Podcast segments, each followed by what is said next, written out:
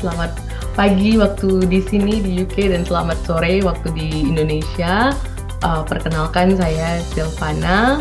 Saya di sini nggak sendirian. Saya ada bersama teman saya Fatma Susanti dan juga ada Mbak Anas di sini sebagai narasumber yang mau kita tanya-tanyain. Jadi latar belakangnya itu kita mau diskusin soal gimana sih kekacauan pola asuh dan gimana dampaknya terhadap kita orang dewasa dalam membina relasi. Kita melihat ini banyak sekali masalah gitu karena banyak juga teman-teman yang datang dari keluarga yang gak harmonis dan ini juga berdampak kepada isu kesehatan mentalnya dan makanya kita kali ini mengundang Mbak Anas untuk hadir dan mendiskusikan isu ini bersama kita. Mbak Anas ini adalah seorang psikolog anak dan remaja sekaligus seorang uh, mental health advisor Mbak Anas juga sering speak up soal isu kesehatan mental. Teman-teman bisa lihat di Instagramnya @anasatrio. Itu banyak banget konten-konten yang bermanfaat. Baik, kalau kita ngomong soal kekacauan pola asuh gitu, itu banyak banget ya ternyata gitu. Aku aja tuh baru aware ketika aku dulu kuliah di psikologi sering dibincangkan sama dosen ternyata banyak hal-hal yang selama ini kita rasa normal-normal aja, tapi itu salah gitu dan itu berdampak pada kita sebagai anak dan kemudian beranjak dewasa itu ternyata ada ada dampaknya juga baik positif dan negatif. Sekarang kalau kita mau ngomongin soal pola asuh gitu. Kalau banyak orang tuh ngomongnya bagaimana mental anak dari keluarga yang bercerai gitu, tapi nggak terlalu banyak yang ngomongin bagaimana sih Kondisi psikis anak yang hidup dengan kondisi orang tua yang disfungsional, yang kacau, yang penuh pengkhianatan gitu. Jadi begini Mbak Anas, gimana sih kondisi anak yang hidup dalam kondisi ini? Silakan Mbak. Oke, terima kasih Silva dan Tanti buat kesempatan sharingnya. Jadi semoga ini nanti bisa menjadi refleksi bersama buat teman-teman yang nonton karena aku rasa kita semua sebagai generasi itu terdampak secara emosi ya dari uh, pengasuhan orang tua kita yang memang di zaman mereka itu apalagi zaman kakek nenek kita belum ada ya pemahaman dan kesadaran soal pentingnya kesehatan emosi dan kesehatan mental. Di zaman orang tua kita atau waktu kita dibesarkan pun mungkin yang penting hanya kesehatan fisik sehingga fokusnya banyak ke hanya pemenuhan kebutuhan fisik nggak salah juga tapi nggak cukup ketika kita mempelajari manusia itu kan juga ada kesehatan mental dan manusia itu sejak kita bayi ternyata udah punya namanya kebutuhan-kebutuhan emosi dasar yang harus terpenuhi kalau kita mau tumbuh sehat mental, sehat emosi. Nah, kalau tadi pertanyaan Silva tentang apa sih yang terjadi pada anak-anak itu, ini merujuk pada penelitiannya Dr. Daniel Siegel yang aku baca dan pelajari. Jadi nggak tebak-tebak buah manggis. Jadi ini basic on science gitu ya. Intinya ternyata di tujuh tahun pertama kehidupan anak, bahkan mungkin sampai 10 tahun, ternyata gelombang otak anak itu tuh mirroring um, otaknya orang tua. Jadi otaknya anak itu copy paste gelombang otaknya orang tua. Dalam hal ini emosi itu kan terekam di tubuh dan di gelombang otak gitu. Emosi itu bukan sesuatu yang ngawang, tapi it's very real, kesimpan di tubuh, di detak jantung ya. Mungkin kita bisa ngerasain kalau kita lagi deg-degan kan detak jantungnya lebih cepat. Kalau kita takut juga seperti itu. Nah, jadi gelombang otaknya orang tua dalam mereka memproses emosi, merespon emosi. Jangankan tadi Silva bilang, jangankan hidup di keluarga dengan kekacauan, pengkhianatan, yang basic-basic dulu aja. Ibaratnya kalau orang tuanya belum belajar bagaimana cara mengelola emosi marah dengan sehat, emosi cemas dengan sehat, emosi sedih itu diapain sih? Dan sebenarnya dalam dalam perspektif kesehatan mental kita mulai belajar bahwa apa pun emosi itu boleh dan perlu banget dirasain jadi sayang sekali masih ada pengasuhan-pengasuhan yang bilang anak laki-laki nggak boleh nangis, anak perempuan cuman boleh sedih, nggak boleh marah gitu ya. Jadi yang kita mau latih itu perspektif kesehatan mental itu adalah semua emosi itu kayak bola basket yang membal nih ya. Kalau kita ngalamin hal yang unfortunate atau nggak enak kan semua terdampak ya. Tapi resiliensi itu bicara tentang gimana kalau bola basketnya udah jatuh balik lagi ke atas kebiasaannya lagi tuh kita bisa berlatih ternyata teman-teman karena otak kita itu seperti otot, dia bisa kalau dilatih asal tahu caranya dan nyaman. Nah, jadi kebayang ya ketika kita hidup bersama orang tua kita yang belum belajar soal bagaimana sih memproses emosi sedih, emosi marah, emosi cemas. Jadi kita gelombang otaknya uh, copy paste mereka. Bersyukurnya kalau kita udah lebih banyak pengalaman pembelajaran lain ya lewat pengalaman di sekolah uh, bisa merantau bisa banyak baca buku. Terus kita misalnya bisa mengakses layanan konseling gitu atau ikut workshop workshop pengenalan emosi sekarang juga udah lumayan banyak itu kita jadi otaknya kayak direvisi kayak kita bikin skripsi direvisi jadi oh ada cara lain ya kita selalu mindsetnya itu adalah bukan melihat benar salah tapi melihat ada cara lain nggak? Is there any other way? Untuk kita memproses emosi cemas, sedih, takut gitu, yang basic-basic dulu gitu. Nah, dari pemahaman ini kita jadi sadar kalau e, emosi itu juga adalah kepanjangannya kan dari energy in motion, energi yang bergerak. Jadi um, gampangnya seperti AC di rumah kita, kalau di rumahnya ada AC atau di tempat-tempat umum ada AC, AC itu kan harus dibersihin filternya ya supaya dia bisa nyala sebagaimana mestinya. Jadi bayangin nggak kalau tubuh kita nyimpenin banyak dan beragam emosi, terutama emosi-emosi yang intens, nanti kita juga bisa mulai belajar mengenali emosi lewat namanya termometer emosi dari skala 1 sampai 10, seberapa intens emosi yang dialamin dan untuk emosi-emosi intens kan kerasa banget ya di dada, di badan, di leher gitu ya. Terus bertahun-tahun ngalamin itu apalagi di usia anak nanti kita akan lihat lebih lanjut. Ada kita akan lihat lebih lanjut ada sensitivitas otak anak yang akan merekam emosi lebih intens. Jadi misalnya orang tuanya cuma marahnya, kamu kalau nggak kalau kamu nggak makan kamu gak usah pulang ya atau kamu kalau susah diatur mama pergi ya. Kayaknya kan cuma simpel nih kalimatnya. Tapi itu di otak anak di bawah lima tahun atau di bawah tujuh tahun tuh masuknya tuh kuat banget kayak vakum cleaner lah gitu coba kalau dibayangin. Nah itu yang akan mempengaruhi uh, sinaps-sinaps di otaknya anak uh, dalam memproses informasi lalu mempengaruhinya keberhargaan diri. Efeknya tentu karena ternyata otak manusia ini kayak pemrograman komputer.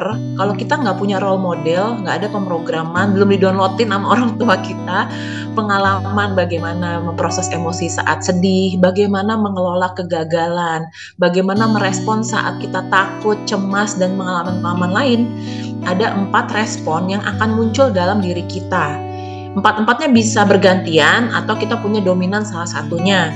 Ini yang kalau teman-teman googling ada tentang stress respon. Ada yang kalau overwhelm emosinya itu pengennya flight aja. Udah ah kabur aja. Kabur itu bisa menghindar atau pengennya tidur aja atau pokoknya menghindari banget konflik. Kenapa? Orang-orang kan udah mulai sadar nih suka bilang ya, eh aku tuh kayaknya nggak enak kan orangnya, aku tuh nggak berani kalau ada konflik. Sebenarnya Everything didn't start with us. Itu ada bukunya dari Mark Wallin dia bilang it didn't start with you. Jadi kita ini kan cuma hasil pemrograman keluarga dan orang tua kita.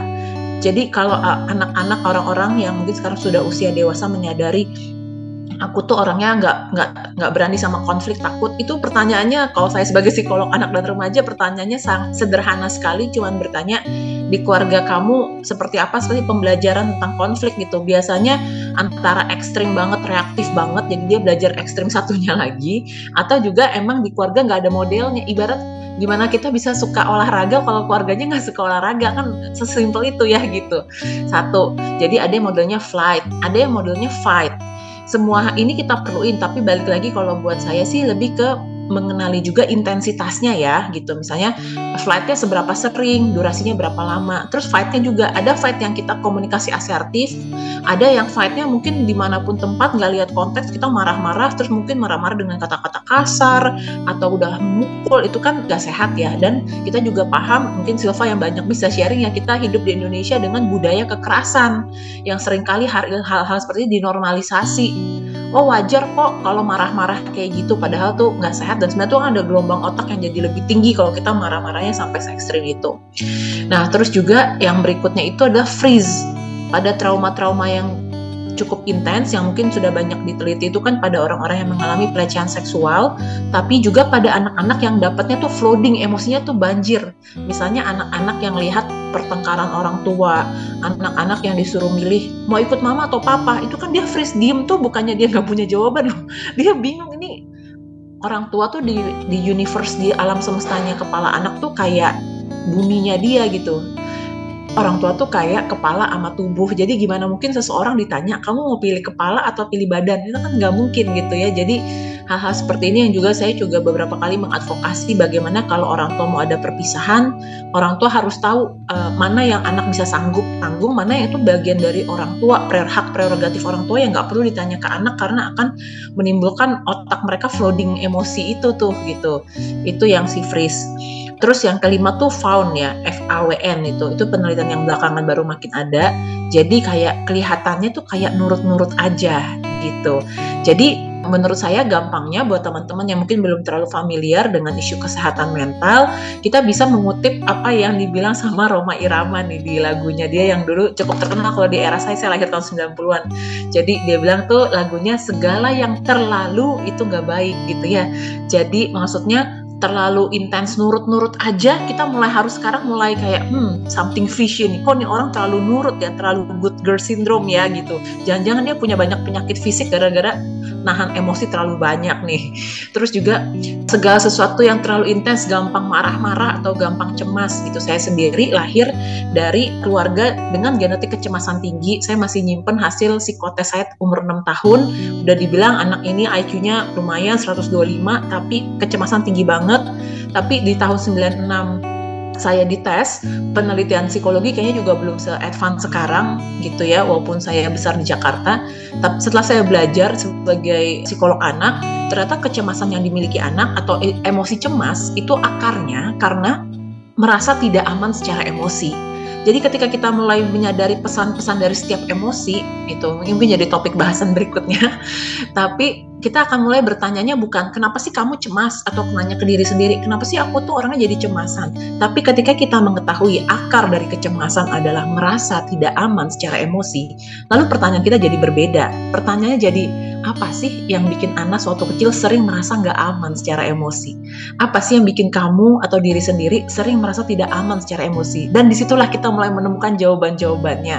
Dari jawaban-jawabannya harapannya kalau kita sudah usia dewasa kita bisa mulai menemukan hal-hal baru untuk kita reparenting diri kita menjadi orang tua yang memenuhi kebutuhan emosi kita dengan beragam cara dari yang receh banget sampai yang kita melakukan terapi. Lalu yang kedua adalah kita mulai melakukan hal-hal yang bagian dari self care habit, bagian dari hidup keseharian untuk install lagi rasa aman secara emosi gitu. Jadi hal-hal seperti ini yang saya rasa mungkin baru di sekarang orang-orang lebih aware dan bersyukur sekali e, masyarakatnya juga lebih kepengen tahu jadi lebih bisa banyak cerita. Gitu Silva penjelasannya. Menarik banget ya. Kita selama ini kayak ngerasa kalau aku ngeliatnya di masyarakat kita tuh kalau sesuatu yang sifatnya emosional itu kayak harus diredam gitu kan. Kita tuh kayak berjarak gitu loh sama perasaan kita sendiri. Dan kayak yang Mbak Anas bilang tadi ternyata banyak emosi yang saat ini kita rasakan atau kondisi kita sekarang itu berakarnya itu pada masa kecil kita dulu. Nah, terus juga misalnya gini, pada anak yang hidup di keluarga yang bermasalah, baik secara kondisi disfungsional atau memang dia dari keluarganya bercerai gitu. Apa sih pola asuh yang kita tuh sering nggak sadar diterapkan pada pola asuh seperti itu dalam keluarga gitu. Dan mungkin itu salah gitu. Dan kita nggak tahu itu salah gitu. Karena itu selalu dinormalisasi dalam keluarga dalam budaya gitu. Itu seperti apa mbak? Nah pertanyaannya menarik dan aku rasa ini akan ada banyak jawaban dan tergantung ekspertisnya ya dan positioning orangnya untuk menjawab. Kalau dari aku, aku tuh orang yang menjawabnya itu dari pengalaman aku belajar dan praktek aku menjawabnya itu adalah tergantung intensi dari orang ini menikah dan punya anak. Makanya waktu pandemi juga aku uh, sering banget bikin live Instagram selain karena nggak ada kegiatan juga. Jadi sarana untuk mengedukasi aku bikin 20 episode jadi orang tua yang sekarang tersimpan di IGTV-nya teman aku @kanegara itu kita bahas tentang eh, pengalaman-pengalaman uh, jadi orang tua karena sering kali di Indonesia orang ditanyanya kapan punya anak, tapi pernah bertanya dan mempersiapkan diri betul-betul nggak untuk jadi orang tua dan tahu nggak ini tuh seberapa besarnya sih efeknya ketika jadi orang tua gitu. Bukan bermaksud nakutin, but it's very hard gitu ya. Dan aku pun kayak sukanya nyentil-nyentil. Kalau di Facebook aku kan teman-temannya lebih deket ya dibanding Instagram. Di Facebook itu aku suka suka bikin tulisan kayak aduh capek banget ya jadi uh, orang jadi orang dewasa. Gimana sambil orang dewasa kerja harus ngurusin anak gitu. Dan masih sering jawaban orang-orang aduh ngurusin anak tuh menyenangkan. Kayak kalau aku terusin aku akan bilang oh my god I know for sure di di ruang praktek aku betapa devastatingnya jadi ibu gitu ya tadi pagi aja aku habis sesi sama klien aku anaknya dua, dari bulan November akhir sampai sekarang nggak berhenti berhenti demam dan batuk. Tadi pagi aja dia habis jam 2 pagi ke IGD dan eh, kamu bilang itu menyenengin kayak oh god please dong ceritain kayak gini sama orang-orang yang belum menikah dan punya anak supaya mereka tahu the real truth tentang jadi orang tua dan jadi ibu gitu. Jangan kasih cerita-cerita Cinderella doang gitu ya. Jadi itu yang aku concern banget sama kebohongan-kebohongan publik sama cerita-cerita kayak gini kayak ngapain sih ngasih narasinya yang kayak gitu gitu terus abis itu aku juga uh, melihat tuh intensi menikah kenapa orang tua ini bersama dan biasanya anak-anak zaman now, aku nggak tahu kalau di daerah Banda Aceh, tapi di Jakarta, anak-anak remajanya tuh lumayan suka nanya ke orang tuanya, kenapa sih papa mama bisa nikah? Apa yang bikin mama mau sama papa? Apa yang bikin mama mau sama papa? Dan itu kan sebenarnya pertumbuhan curiosity ya dari seorang anak remaja dan dia ingin tahu juga asal muasal orang tuanya dan itu kan identitas diri dia ya. It's very important question gitu. Kalau orang tuanya nganggapnya masih orang tua yang mindsetnya jadul kayak ngapain sih nanya-nanya, mereka kehilangan opportunity sangat besar ya untuk menggali kemampuan kreativitas anak, curiosity dan connectionnya orang tua sama anak kan gitu anak kan lahir dari orang tua. Lalu yang kedua adalah intensi untuk jadi orang tua. Kenapa sih mau punya anak? Kalau dari pengalaman saya praktek, justru lebih banyak masalah-masalah emosi di anak-anak yang orang tuanya cepat hamil. Jadi mereka baru sebulan nikah udah hamil eh, dan mereka nggak ngerti apa yang harus dipersiapkan untuk menjadi orang tua tadi ya bukan pengen punya anak tapi kamu siap nggak jadi orang tua dan apa yang harus disiapin? Siap-siap banget seperti kesiapan menikah of course nggak ada yang pernah 100% dan nggak ada yang sempurna. Cuman kalau itu aja nggak dipikirin gimana ngejalaninnya? Lalu yang kedua secara masyarakat nih kita belum banyak yang ngebahas tentang bagaimana beratnya adaptasi setelah menikah gitu. Jadi pertanyaan juga kalau udah nikah selalu tentang punya anak, tapi adaptasi dua orang dewasa yang nggak mengenal, kalau sekalipun pacaran pun tetap aja ada adaptasinya, apalagi yang nggak pakai pacaran. Itu benar-benar luar biasa capeknya adaptasinya. Lalu adaptasi itu juga bicara tadi kalau saya bilang otak manusia itu pemrograman komputer. Ini ada dua pemrograman belief system keluarga loh. Yang sekalipun kamu sama sukunya sama agamanya tetap ada kebiasaan-kebiasaan value belief system yang berbeda sekali gitu saya aja merasakan dari pengalaman saya beradaptasi menikah gitu ya dua tahun terakhir ini. Kayak hal-hal lain udah saya obroli tentang visi misi tentang hidup karir pendidikan. Ternyata yang ditemui adalah perbedaan belief system tentang kesehatan.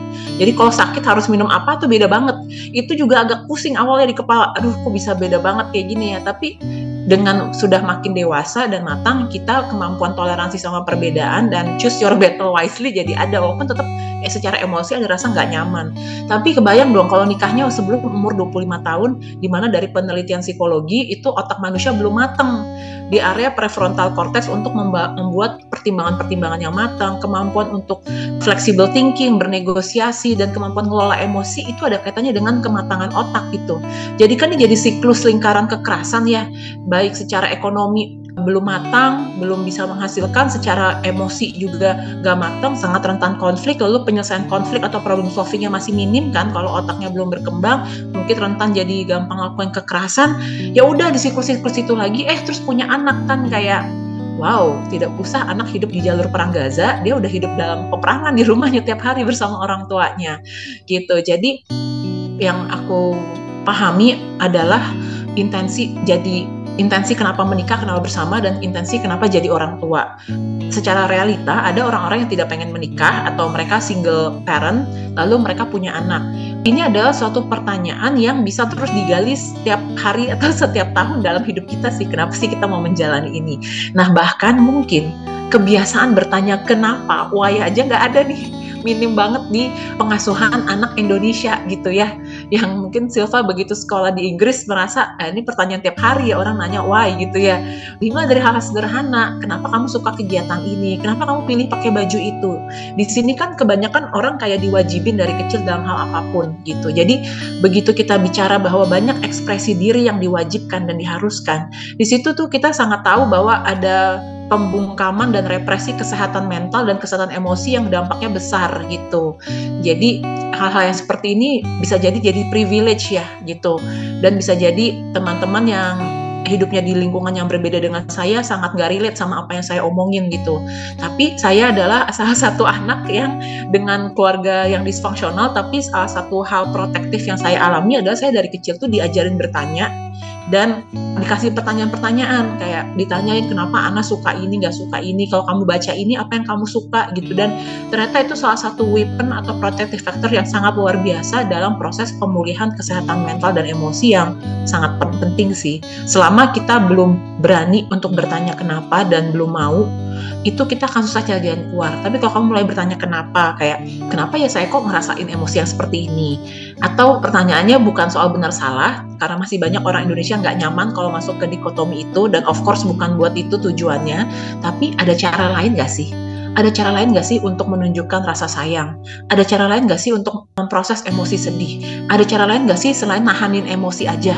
ada cara lain nggak sih selain hanya reaktif gitu kan? Jadi when we think about ada cara lain dan ini salah satu teknik konseling yang saya pelajari dari mentor dan supervisor saya dalam setiap sesinya dia nggak pernah nanya atau nggak pernah ngasih tahu ini salah atau benar tapi menurut bapak atau ibu atau menurut kamu ada cara lain nggak ya untuk kita menghadapi situasi yang sama dan dari situ otak kita mulai berpikir solusi yang lain gitu Silva iya sih terus aku juga ngeliat banyak orang yang ketika dia dewasa, dia menikah, terus dia punya anak, dia nggak terlalu banyak belajar gitu. Bahkan dia justru meneruskan bagaimana cara dia diasuh oleh orang tuanya ke anak dia gitu.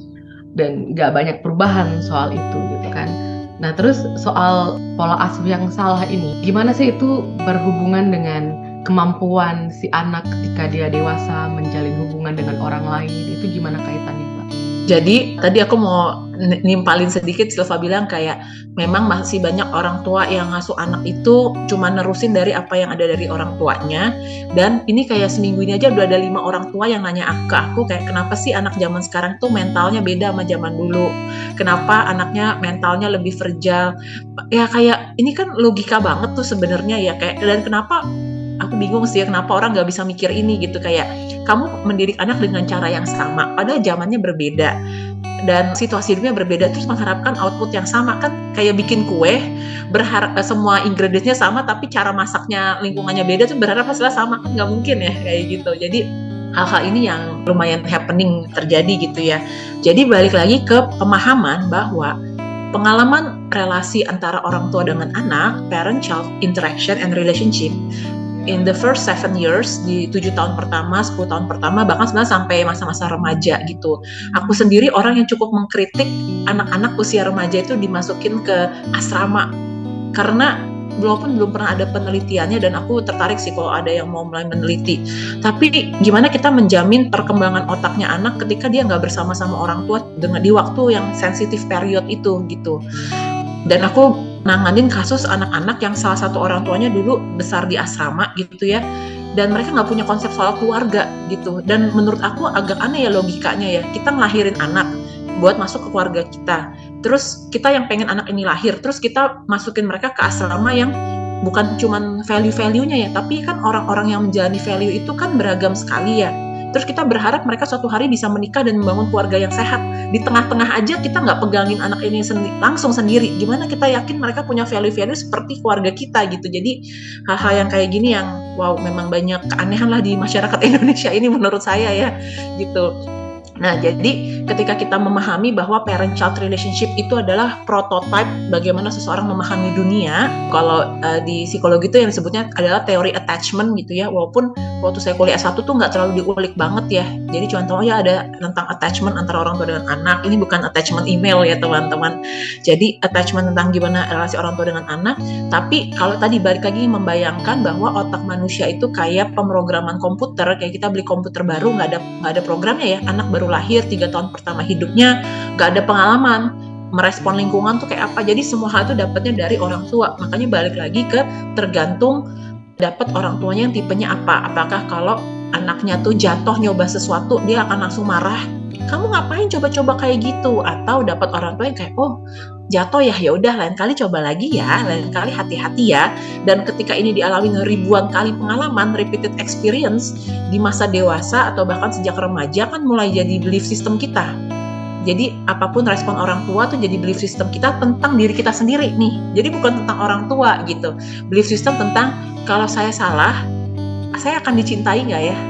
Kalau saya salah saya akan ngerasa optimis untuk coba lagi atau saya akan takut aja? Satu terus juga tentang bagaimana kita memahami pengalaman pengalaman baru. Mendingan saya gini-gini aja daripada nanti mengecewakan orang lain atau saya mau coba lagi karena lingkungan saya selalu support untuk setiap eksplorasi yang saya lakukan gitu. Terus juga tentang bagaimana berelasi dengan orang lain. Walaupun kita kecenderungannya itu si relasi orang tua dengan anak tuh sangat bisa dilihat dalam relasi romantik, tapi kemarin seperti yang Silva bilang sebenarnya ini juga bisa dilihat dari relasi-relasi kita di luar relasi romantik ya. Maksudnya kayak ketika saya menyadari dulu saya orangnya uh, sangat nggak bisa nolak orang, iya iya aja, people pleaser sampai sering sakit karena terlalu banyak kegiatan gak berani nolak orang. Kalau cuman berkutat di aduh kenapa ya kok aku people pleasing? Atau ketemu orang-orang yang kayak kenapa sih lunas? Gitu. Jadi semuanya menyalahkan ya kita nggak ketemu jawaban.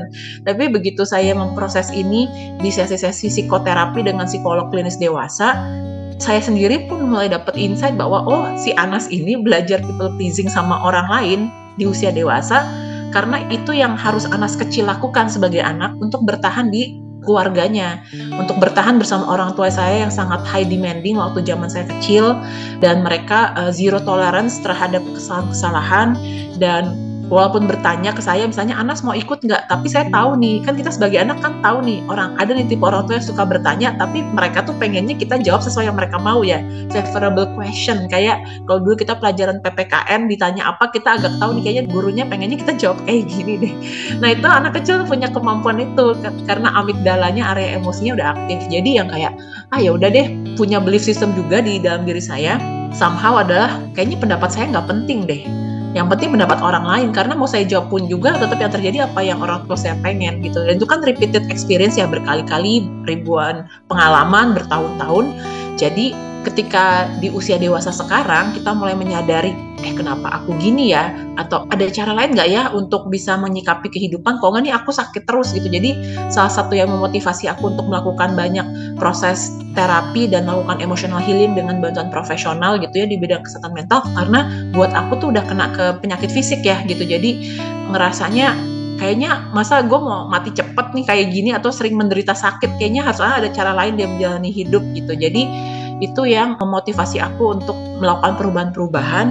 Dan ternyata signifikan banget loh begitu menyadari pemrograman-pemrograman yang kita dapat dari orang tua, dari pengalaman di rumah, lalu belajar cara-cara baru untuk menyikapi hidup. Tapi dimulai dari kalau aku pendekatannya tuh bukan kayak motivator-motivator yang pokoknya harus berubah bukan ke behaviornya dulu ya, tapi ke memproses emosinya pertanyaan paling gampang itu adalah dari skala 1 sampai 10, seberapa sih kamu ngerasa berharga diri kamu. Aku tuh berangkat dari ngerasa diri berharga tuh cuma 3 dari 10 gitu. Hari ini aku bisa bilang keberhargaan diri aku tuh 7 dari 10 atau 8 dari 10. Nah, kalau keberhargaan dirinya diproses, belajar lebih mengenali emosi, ada ruang-ruang aman di sesi-sesi terapi untuk memproses rasa sedih sebagai anak melihat orang tua yang tinggi konflik, rasa sedih sebagai anak dijadiin samsak emosi orang tua atau istilahnya namanya parentification ya, ketika orang tua hubungannya nggak harmonis lalu mereka menjadikan si anak ini yang naif dan tak berdosa ini untuk uh, ceritain muntahin semua muatan-muatan emosi dia tentang pasangannya.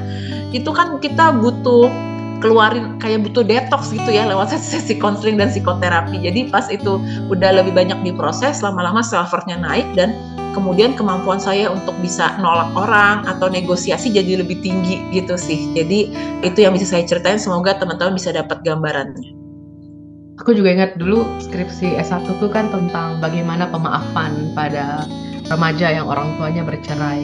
Aku jadi teringat anak-anak remaja yang mengalami perceraian orang tua gitu. Kadang mereka juga cerita gitu, mereka merasa nggak berharga, ngerasa bagian dari masalah orang tuanya, ngerasa terombang ambing misalnya ketika proses perceraian harus ke sebelah orang tua sebelah sana, terus nanti ke sebelah sini bahkan ada salah satu respondenku tuh yang dia lumayan pelik masalah keluarganya gitu. Karena ayahnya juga seorang oda gitu orang dengan HIV AIDS. Mm -hmm. itu berdampak nggak cuma di keluarga tapi ke sekolah dia dibully terus dulu ayahnya pernah masuk penjara. Terus kayak itu kan kompleks. Itu bahkan dia merasa dia punya dendam yang besar dan dia bilang dia nggak akan maafin orang tuanya. Aku kayak ngeliat itu ada luka yang dalam banget gitu dalam mm -hmm psikisnya gitu pada anak-anak yang dengan kondisi seperti itu dari keluarga bercerai atau yang secara keluarganya disfungsional bentuk luka apa aja sih yang mereka alami itu berdampak ke relasinya ketika dewasa.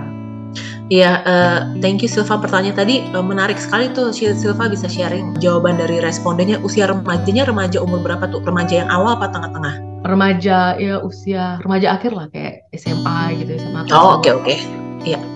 Jadi uh, dari pendekatan yang aku pelajari dan aku pakai di praktek aku sebagai psikolog klinis anak dan remaja, kita tuh kayak detektif. Jadi every behavior is a message. Setiap perilaku atau setiap yang anak ungkapin itu bukan sebenarnya apa yang dia rasa, tapi itu ungkapan seberapa devastated, seberapa frustasinya dia sama keadaan. Pada anak-anak uh, juga sampai termasuk remaja yang ngomong sampai misalnya tadi saya nggak bisa maafin orang tua saya, kalau orang umumnya Indonesia pasti dibilang, ah kamu jangan kayak gitu, dosa sama orang tua kamu. Tapi dalam perspektif psikologi klinis, saya punya kesimpulan dari data yang terbatas tadi adalah anak ini benar-benar suffering sih. Sampai ungkapan itu seperti itu. Mirip kayak anak umur 2-3 tahun, itu kalau kesel sama orang tuanya akan bilang, aku nggak mau sama mama, mama pergi aja. Aku nggak mau, bahkan sampai ada anak yang misalnya bisa bilang, I kill you gitu, aku mau bunuh kamu. Kalau orang nggak belajar mengenali tentang perkembangan psikologis anak marah balik malahan digituin sama sama anaknya atau cuma takut. Tapi bahwa anak-anak ini punya keterbatasan bahasa. Apalagi anak usia kecil mereka punya keterbatasan bahasa untuk mengekspresikan emosi yang intens. Jadi tuh mereka tuh sebenarnya diterjemahnya kalau ditranslate adalah I feel overwhelmed please help me. Aku tuh overwhelmed banget sama emosi ini kamu tolong bantuin aku dong. Tapi mereka nggak bisa ngomong itu mereka bilangnya I hate you mami gitu. Aku nggak suka aku benci sama kamu gitu. Jadi kebanyakan tuh ya tadi balik lagi mesti belajar jadi orang tua. Kalau kita miss in translation gitu. Kita jadi marah banget baper berhari-hari gara-gara anaknya ngomong gitu. Padahal anaknya in suffering dia in danger nih gitu. Terus juga tadi Silva sempat nanya kayak luka-luka apa yang bisa terjadi di anak ya? Secara umum kalau tadi Silva bilang betul memang dari banyak penelitian anak-anak dari yang orang tua bercerai bisa mengalami banyak emosi yang nggak enak. Dan itu mempengaruhi keberhargaan diri. Tapi itu kan risk factornya. Sebenarnya protective factorsnya karena sebenarnya baik lagi ada situasi-situasi pernikahan yang memang lebih baik berpisah. Karena kalau bersama itu lebih dangerous lagi, lebih berbahaya lagi. Dan semoga kita makin keluar dari pemikiran fairy tale dalam hidup ini yang realistis-realistis aja, nggak ada yang indah-indah banget hidup tuh sebenarnya biasa-biasa aja kok gitu. Nah, sebenarnya yang bikin lebih parah atau jadi faktor resiko pada anak-anak yang orang tua bercerai ataupun pada anak-anak yang orang tuanya disfungsional tapi bertahan terus adalah minimnya kesempatan untuk boleh mengekspresikan apa yang anak ini rasakan. Satu, yang kedua minimnya penjelasan dari orang dewasa. Yang ketiga, minimnya kesempatan orang dewasa yang terasa aman secara emosi untuk anak untuk mendengarkan apa yang dia alamin. Karena dari pengalaman aku mendampingi proses emosi dari anak-anak sampai usia remaja yang orang tuanya berpisah, ketika mereka dapat pengalaman-pengalaman tadi, pengalaman merasa didengarkan dengan aman, pengalaman boleh ekspresiin rasa sedih, grievingnya mereka terhadap orang pernikahan orang tuanya mereka, karena saya mengambil sertifikasi play terapi, saya juga menggunakan sesi-sesi art terapi atau play untuk membantu anak-anak ini mengekspresikan emosi. Setelah 8-10 sesi, habis itu mereka jadi anak biasa aja jadi kuncinya itu bukan pada pengalaman-pengalamannya kan kadang kalau orang tua mikir, aduh saya harus melindungi anak saya dari pengalaman tidak enak, bukan itu kuncinya. Karena nggak usah dilindungi kayak apa pun kita ada hal-hal kemalangan yang akan kita alamin gitu ya. Tapi kuncinya adalah aftercare-nya, obrolan-obrolan yang terjadi setelahnya. Bagaimana diberikan ruang aman, diberikan safe space, bukan hanya space secara fisik, tapi diizinkan dia boleh ngerasain emosi apa pun. Lalu kita mulai memahami bahwa emosi itu come in wave, emosi kayak gelombang. Dia nggak akan sekali hari ini kita kita obrolin langsung selesai. Kadang-kadang bertahap gradually muncul gitu kan. Terus juga diterima emosinya, lalu maju lagi menjalani hidup. Kadang dia akan muncul lagi, diterima lagi. Jadi back and forth selalu kayak gitu dan emosi manusia nggak pernah lurus kayak jalan tol. Jadi kalau itu dialamin, biasanya habis itu kita jauh lebih nyaman menjalani hidup, punya resiliensi, punya keberhargaan diri dan tadi kayak kemampuan di otaknya tuh kayak membalnya lagi tuh jadi lebih bisa. Nah, jadi kemungkinan-kemungkinan isu yang dialamin itu adalah yang paling bahaya sebenarnya adalah ketika tanpa penjelasan nih ya dan anak-anak itu kan suka berusaha making meanings into their surrounding ya anak-anak tuh berusaha mencari kesimpulan versi mereka sering kali pada anak-anak yang orang tuanya tinggi konflik banyak berantem baik berantem yang kelihatan maupun yang diem-dieman silent treatment juga dangerous itu anak itu mulai proyeksikan semua masalah orang tua ke diri mereka. Oh gara-gara aku nih orang tua aku berantem. Gara-gara aku nih gara-gara aku lahir nih mereka harus bersama. Mungkin kalau aku nggak ada di dunia ini hidup mereka lebih enak ya. Mungkin kalau misalnya aku nggak usah lahir orang tua aku nggak harus bersama ya. Nah ternyata pemaknaan-pemaknaan seperti ini pertama tuh real banget di anak tapi pemaknaan ini terjadi karena no one explain to them. Jadi yang saya eh, sharing di sesi-sesi konseling saya dengan klien maupun di sesi yang publik tapi kayaknya kalau publik saya belum terlalu sering sharing bahwa ada kalimat-kalimat yang perlu diomongin orang tua ke anak bahwa misalnya anak-anaknya menyadari anaknya dengar orang tuanya habis berantem atau emang orang tuanya mau bercerai atau apa perlu ada orang dewasa terutama orang tuanya yang ngomong nah ini tuh masalah papa mama bapak ibu umi abi sebagai orang dewasa tapi tidak mengurangi sayang dan cintanya kami ke kamu sebagai anak. Dan ini bukan karena kamu, ini kita masalah orang dewasanya aja. Jadi kayak harus ada garis pembatas lewat omongan, lewat verbal untuk kasih tahu ke anak, this is not your responsibility. Our marriage is not your responsibility. Dan sering kali sama anak karena otaknya lagi dalam masa perkembangan perlu diulang ratusan kali sampai mereka percaya bahwa itu satu kebenaran. Tanpa ini diomongin dan lingkungan kayak gitu, udah gitu yang sering kali karena kita di Indonesia hidup sama keluarga besar ya extended family dari pengalaman-pengalaman klien saya itu sering kali malah anaknya yang ditekan lagi sama keluarga besarnya. Kamu yang nurut ya sama mama kasihan dia suka berantem sama papa. Kamu jangan sering ini ya nyusahin papa ya dia kasihan sama mama. Wah itu pengen saya lempar pakai sendal kayaknya nih orang-orang dewasa. Mereka nggak paham otak anak aja sensitif banget sama apa yang terjadi sama orang tuanya. Terus ditekan lagi kayak gitu gimana nggak anaknya pas remaja pengen self harm pengen bunuh diri? Karena terlalu banyak emosi-emosi intens yang mereka harus tanggung sendiri dan orang lain tuh nggak dia mau ngerti seberapa menderitanya mereka. Itu satu. Terus uh, yang kedua juga adalah kalau kita sebagai anak tuh bisa ngerasain ya emosi orang tua di rumah tuh kayak atmosfer udara. Kalau ibu kita lagi happy, kayak suasana rumah tuh ringan, terus kayaknya awan cerah ada di rumah. Tapi kalau orang tua kita lagi gloomy, lagi bete, itu kayaknya di rumah awan kelabu. Nah ini berarti tergantung kemampuan self regulation orang tuanya nih. Kalau dia bisa pelan-pelan makin enakan, di rumah tuh suasana atmosfer emosinya makin cepet enak dan anak juga nggak ngerasa aduh ini nggak menderita terlalu lama. Tapi seperti yang saya alamin dulu waktu saya kecil ibu saya nggak terlalu punya kemampuan meregulasi emosi yang baik. Bahkan hal, -hal sepele itu bisa sampai dua minggu di rumah suasananya nggak enak gitu. Jadi kayak itu yang bikin rasa hopeless muncul di diri anak kecil dan itu cukup intens rasanya ya. Jadi kalau orang bisa bisa optimis saya sama hidup saya cenderung pesimis. Dulu nggak tahu kenapa ya kok saya bawaannya pesimis gitu. Ternyata karena di situasi rumah sesederhana kok ibu saya hal sepele aja tuh lama banget ya recovery dari emosi nggak enaknya gitu. Ternyata itu mempengaruhi world view saya bagaimana saya memandang hidup sebagai anak yang terbawa ke remaja sampai dewasa gitu. Aku juga bisa relate dengan kata Mbak Nes yang pada keluarga yang nggak harmonis gitu. Itu kayak rasa cinta tuh jarang dikomunikasikan. Misalnya kayak orang tua yang bilang ke anak walaupun pernikahan kita bermasalah tapi kami tetap sayang sama kamu itu kayak jarang dikomunikasikan gitu kan bahkan anak itu dibiarkan untuk mencari tahu sendiri karena iya. orang tua dia belum masanya ngerti soal itu terus ada juga yang bilang bahwa beberapa temanku kan yang dari keluarga yang bermasalah bilang mereka tuh kayak ketika menjalin hubungan romantis tuh punya ketakutan gitu karena mm -hmm. role modelnya tuh kan yang si orang tua itu tadi mm -hmm. gitu dan mereka ngerasa hidup gimana nerakanya gitu dalam keluarga yang seperti itu. Yes. Jadi ketika, ketika memulai hubungan itu kayak ada perasaan takut, terus ketika ada masalah dalam berpasangan dia ngerasa nggak dicintai, bersalah banget gitu-gitu itu sebenarnya nggak sehat kan. Tapi itu sebenarnya yang sehat itu gimana gitu dan bedanya dengan relasi yang nggak sehat itu seperti apa? Ya, jadi belakangan kita jadi paham bahwa segala hal-hal dalam hidup itu perlu dipelajari. Karena justru kalau mau hidupnya nggak bagus, nggak sehat, nggak usah dipelajari ya. Kayak kita kalau mau bersih aja harus mandi tiap hari. Kalau mau jorok, bau ya udah nggak usah mandi gitu. Jadi uh, pertama kita perlu punya mindset bahwa every relationship itu is hard work sih dan harus ada usaha. Makanya tuh kita tadi balik lagi ke yang aku bilang kayak kita kan terlalu dibesarkan sama budaya fairy tale. Dianggapnya kalau udah nikah tuh tinggal ongkang-ongkang kaki aja menjalani semua. Padahal justru kalau kita mau punya relasi berkualitas usahanya jauh-jauh lebih luar biasa sih gitu. Dan itu daily effort ya. Jadi yang kita juga mungkin sekarang udah lebih banyak orang kasih edukasinya. Kayak ada istilah namanya love bombing ya.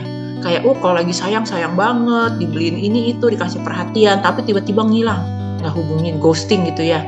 Itu tuh nggak sehat. Jadi sebagai orang tua ke anak pun juga saya rasa love bombing di masa dewasa kalau kita ulik nih pada kasus-kasus yang orang mengalami kalau kita trace back kamu familiar sama model kayak gini dari siapa? Mungkin dari orang tuanya. Ya mungkin orang tuanya tuh sibuk kerja atau kerjanya yang keluar kota terus sebulan gak ada di rumah nanti kalau di rumah dibeliin apa pun dibolehin apa pun tapi nanti ngilang lagi. Itu sebenarnya nggak sehat buat otak anak makanya saya suka advokasi dan sharing juga tentang pentingnya keluarga berencana ya family planning bukan keluarga berencana soal pakai KB doang atau program BKKBN tapi pekerjaan saya saat ini itu tuh udah cukup kondusif belum ya untuk mendidik anak manusia datang ke dunia ini gitu. Kalau realitanya memang masih butuh uangnya, tapi kerjaannya belum bisa cari yang cukup kondusif, ya mendingan gak usah punya anak dulu daripada ada anak yang jiwanya harus suffering dan sampai usia dewasa harus diperbaiki karena tipe pekerjaan orang tuanya itu nggak kondusif buat punya anak yang sehat mental gitu. Karena anak manusia itu sistem syarafnya memang kita bisa makan dua minggu sekali. Nggak bisa sama aja kebutuhan dapat perhatian orang tua dapat waktu bermain sama orang tua dideng didengerin ceritanya dibacain cerita ntar bulan depan ya minggu ini nggak bisa.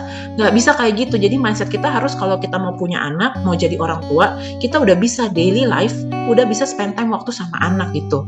Jadi itu yang menurut saya sebenarnya ini unnegosiable sih. Nggak bisa dinegosiasi. Sayangnya kan uh, hak tiap orang untuk bereproduksi ya. Jadi ya itu you choose, you choose your own battle lah. Mau capeknya sekarang atau capeknya nanti. Karena itu will take a lot of uh, impact ya gitu. Untuk kehadiran secara fisik aja nggak ada, boro-boro kita mau bicara soal kualitas emosi nih gitu. Terutama kehadiran fisik yang anaknya masih tahu orang tuanya nih ada, tapi kok nggak ada gitu. Dibandingin sama anak-anak yang tahu bahwa memang orang tuanya sudah uh, sakit-sakitan, tidak berdaya atau orang tua sudah meninggal itu pemaknanya berbeda. Tapi ketika mereka tahu orang tuanya ada tapi di belahan dunia lain atau di kota lain tapi nggak intentionally hadir sama dia kan itu membuat anak punya belief system oh saya tuh nggak berharga ya lebih berharga pekerjaan dan karirnya orang tua saya dibandingin saya. Nah itu kan nggak heran nanti di masa dewasa dia juga akan punya kekhawatiran saya seberharga itu nggak ya buat pasangan saya orang buat orang tua saya aja saya bisa dikalahin lebih penting kerjaannya gitu. Jadi hal-hal seperti ini yang baru disadari di masa sekarang sih kayaknya. Nah kalau healthy relationship itu basicnya tuh adalah rasa respect sih, rasa penghargaan dihargai sebagai manusia di Indonesia juga kayaknya kita lebih familiar rasa respect karena status jabatan gitu ya karena orang ini punya posisi penting kita hargai tapi makanya penting banget ngomongin tentang kesehatan mental psikologi dengan filsafat manusia nih karena kita harus paham dulu filosofi filsafat manusia yang sebenarnya itu seperti apa bahwa kalau ada tokoh namanya Dr. Seuss dari Amerika dia tokoh cerita anak ya dia bilang a person is a person no matter how small. Manusia itu tetap berharga seberapapun dia masih kecil sebagai anak. Respect itu juga deep respect kayak definisi dari kata namaste ya. Definisi namaste itu kan kayak I bow to the light in you that I have the light within myself kayak saya menghargai jiwa suci yang ada dalam diri kamu sebagaimana saya menghargai jiwa suci yang ada dalam diri saya. That kind of respect menurut saya yang kita butuhkan dalam relasi sehat. Sehingga dengan siapa pun kita berelasi, terutama dengan orang-orang terdekat kita, dan makin banyak kita mulai menemukan kasus-kasus gangguan kepribadian spesifiknya narcissistic personality disorder, gangguan kepribadian narsisistik yang di lingkungan pekerjaan dia orang yang charming banget, oh apa oke okay banget, tapi di lingkungan intimate relationship itu bisa menjadi orang yang sangat berbeda 180 derajat dan kejam. Jadi makanya kayak oh my god kamu tuh pengenalan orangnya sebelum nikah tuh gimana? Orang udah kenal aja kamu bisa kecelek karena dia di lingkungan umum kelihatannya baik-baik aja pas bareng ber, cuman berdua doang atau di intimate relationship sangat kasar sangat cold blood gitu ya. Gimana ya nggak kenal gitu ya. Tapi ya tiap orang punya uh, pilihan hidupnya masing-masing ya. I cannot save all people gitu ya. Cuman saya bisa memberikan awareness dan edukasi ini gitu. Bahwa respect itu penting sekali dan rasa safe emotional safety itu penting sekali dalam hubungan. Nah gimana di usia dewasa kita tak paham mencari pasangan yang bisa memberikan rasa aman kalau kita hidup di bersama orang tua dan keluarga yang kerjanya ngancem mulu. Jadi kan kita pikir ya yang normalnya sama manusia kayak gitu ya. Kayak saya juga uh, pernah uh, ketemu kasus yang dia punya pasangan yang suka mukul dia ya orang tuanya suka mukul gitu. Jadi ya kalau sekarang saya dapat klien orang tua yang nanya Bu Anas emang nggak boleh saya pukul anak? Zaman dulu orang dipukul jadi orang sukses juga gitu. Saya cuma ceritain ini aja bapak ibu otak anak itu replika copy paste apa yang dialami di rumah. Bapak ibu udah siap kalau nanti anaknya di sekolah mukul temennya karena itu dia biasa berlakuan seperti di rumah kalau Bapak Ibu udah siap, apa pun yang Bapak Ibu lakukan di rumah, anak itu lakukan di sekolah, Bapak Ibu siap dipanggil, ya silahkan aja. Ya kan nggak bisa gitu kan beda loh. Anak tuh nggak bisa bedain otaknya gitu kan. Jadi ya choose your own battle lah gitu. Apalagi kalau bicara lebih jangka panjang, sekarang orang udah makin aware soal kasus KDRT dalam relationship.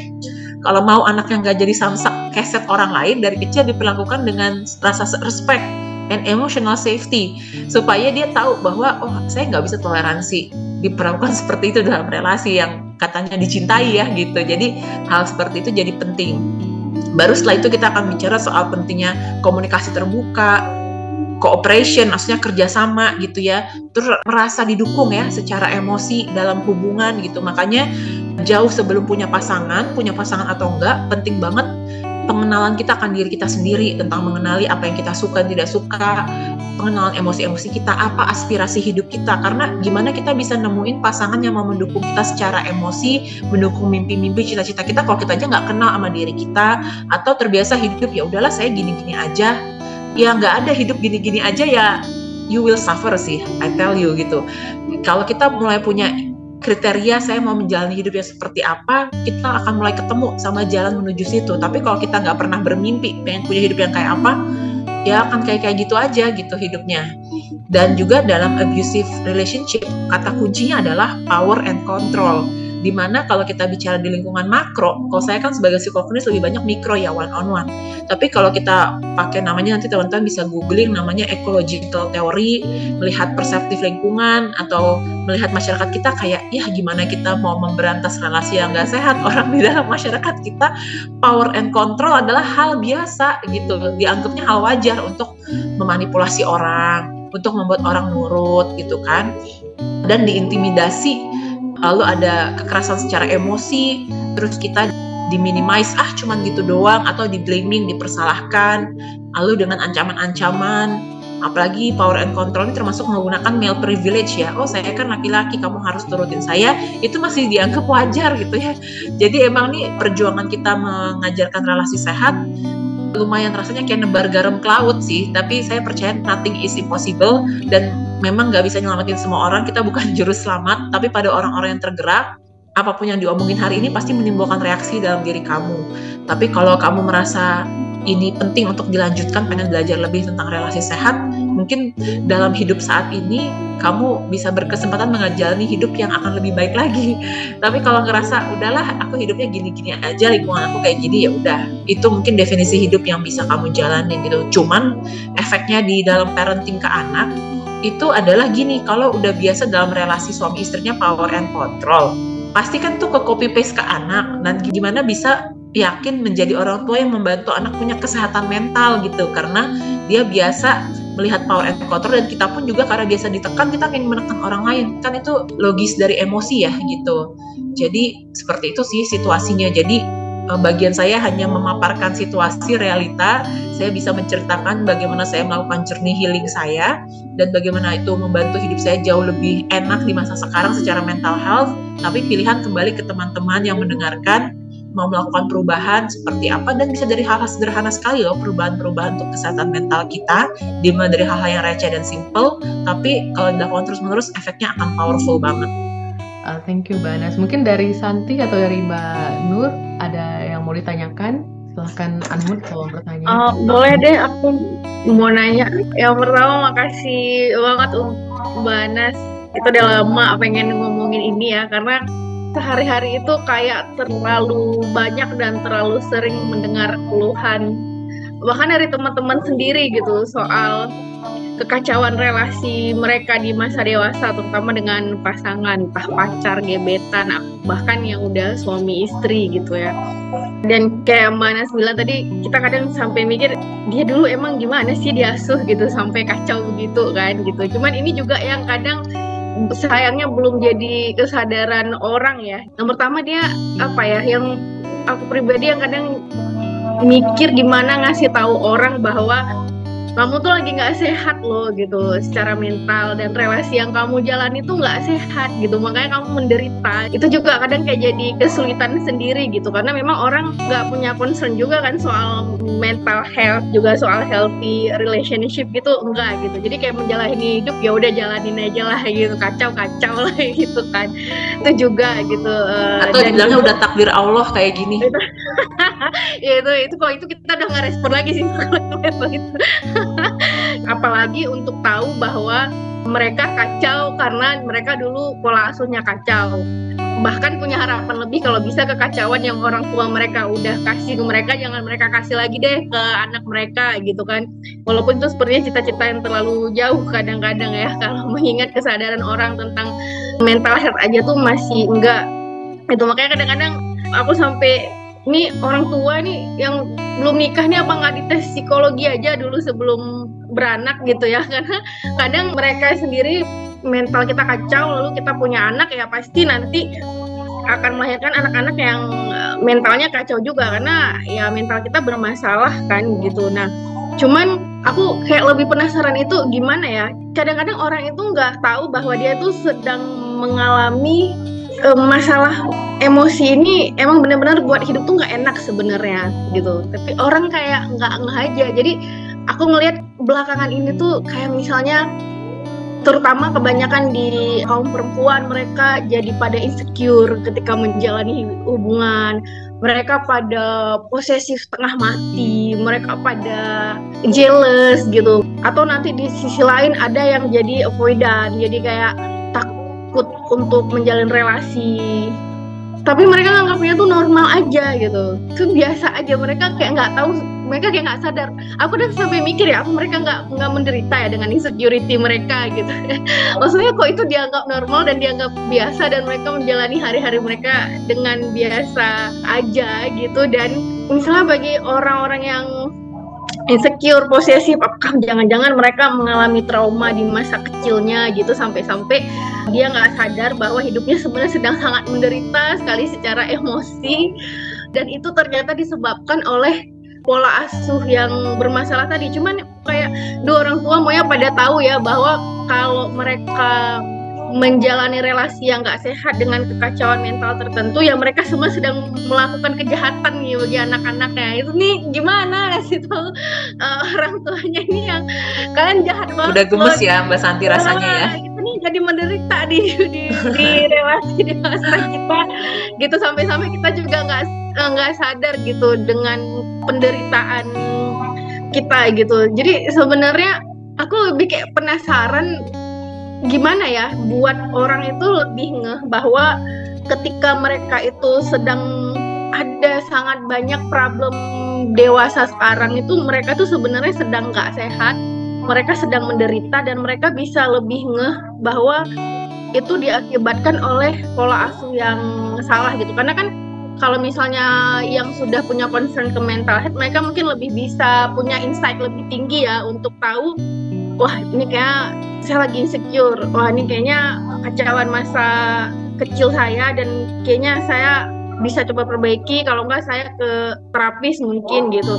Tapi untuk sebagian orang yang dia sebenarnya tahu dia ada masalah tapi dia bingung itu ada saran khusus nggak sih?